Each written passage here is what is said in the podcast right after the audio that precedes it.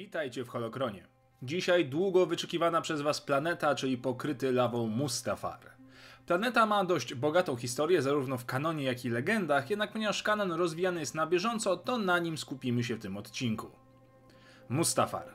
Mała wulkaniczna planeta zlokalizowana w systemie Mustafar w sektorze Atravis między dwoma gazowymi gigantami Lefrani oraz Jestefad. Ukryta daleko w zewnętrznych rubieżach, posiadała jedno słońce, żadnych księżyców.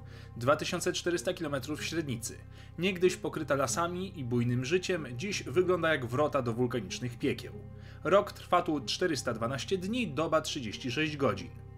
Mimo ekstremalnych warunków życia, planeta jest zamieszkała przez insektopodobną rasę Mustafarian, dzielących się dodatkowo na dwa podgatunki Mustafarian północnych i południowych. Wspomniałem już o tym, że Mustafar niegdyś tętnił życiem. Tak było, jednak za sprawą gazowych gigantów, które siłami grawitacji i swoich orbit walczyły, by Mustafar stał się księżycem jednej z nich, doprowadziły do powstania ogromnych fal ciepła, które doszczętnie zniszczyły planetę i przeobraziły ją w taką, jaką znamy ją dziś. Wyładowania elektromagnetyczne wywołane wpływem gazowego Jestefat sprawiły, że na planecie było niezwykle ciężko wylądować, gdyż każde czujniki i anteny po prostu zawodziły. Co jednak ciekawe, nawet w kanonie mamy tutaj pewną rozbieżność co do historii planety. Przewodnik Star Wars Complete Locations mówi o zagładzie spowodowanej przez wspomniane planety. Natomiast kanoniczna gra VR pod tytułem Vader Immortal mówi o tym, że pewne małżeństwo Mustafarian żyło spokojnie na planecie do momentu, gdy planeta została zaatakowana, a żona imieniem Korvax straciła swego męża. Skradła potem potężny artefakt Mustafarian, zwany Jasną Gwiazdą i chciała użyć go do wskrzeszenia męża. Zamiast tego energia zgromadzona w artefakcie zniszczyła całą planetę.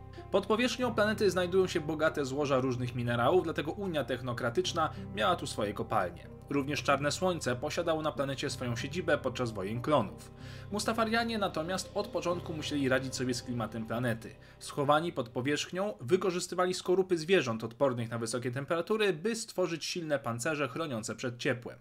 Południowi Mustafarianie zajmowali się ciężką pracą fizyczną w kopalniach na powierzchni, natomiast północny gatunek pełnił funkcję straży oraz specjalistów od lawy. Ponieważ lawa była praktycznie wszędzie, każdy budynek na Mustafarze był zawieszony na generatorach grawitacyjnych. Nawet stolica planety, Fradileja, była zawieszona w powietrzu.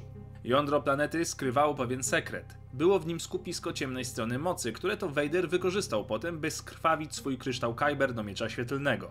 Podczas wojen klonów łowca nagród Cad Bane zajmował się porywaniem dzieci wrażliwych na moc i odstawianiem ich do kryjówki Sithów na Mustafarze właśnie. Tam dzieci miały stać się wrażliwymi na moc szpiegami, nim jednak do tego doszło, zostały uwolnione przez Anakina Skywalkera.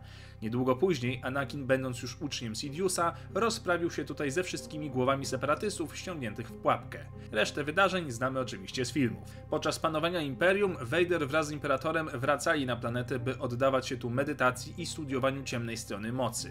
Vader nakazał w końcu wybudowanie swojej fortecy, czy też zamku, tuż przy mrocznej i starożytnej jaskini Sithów.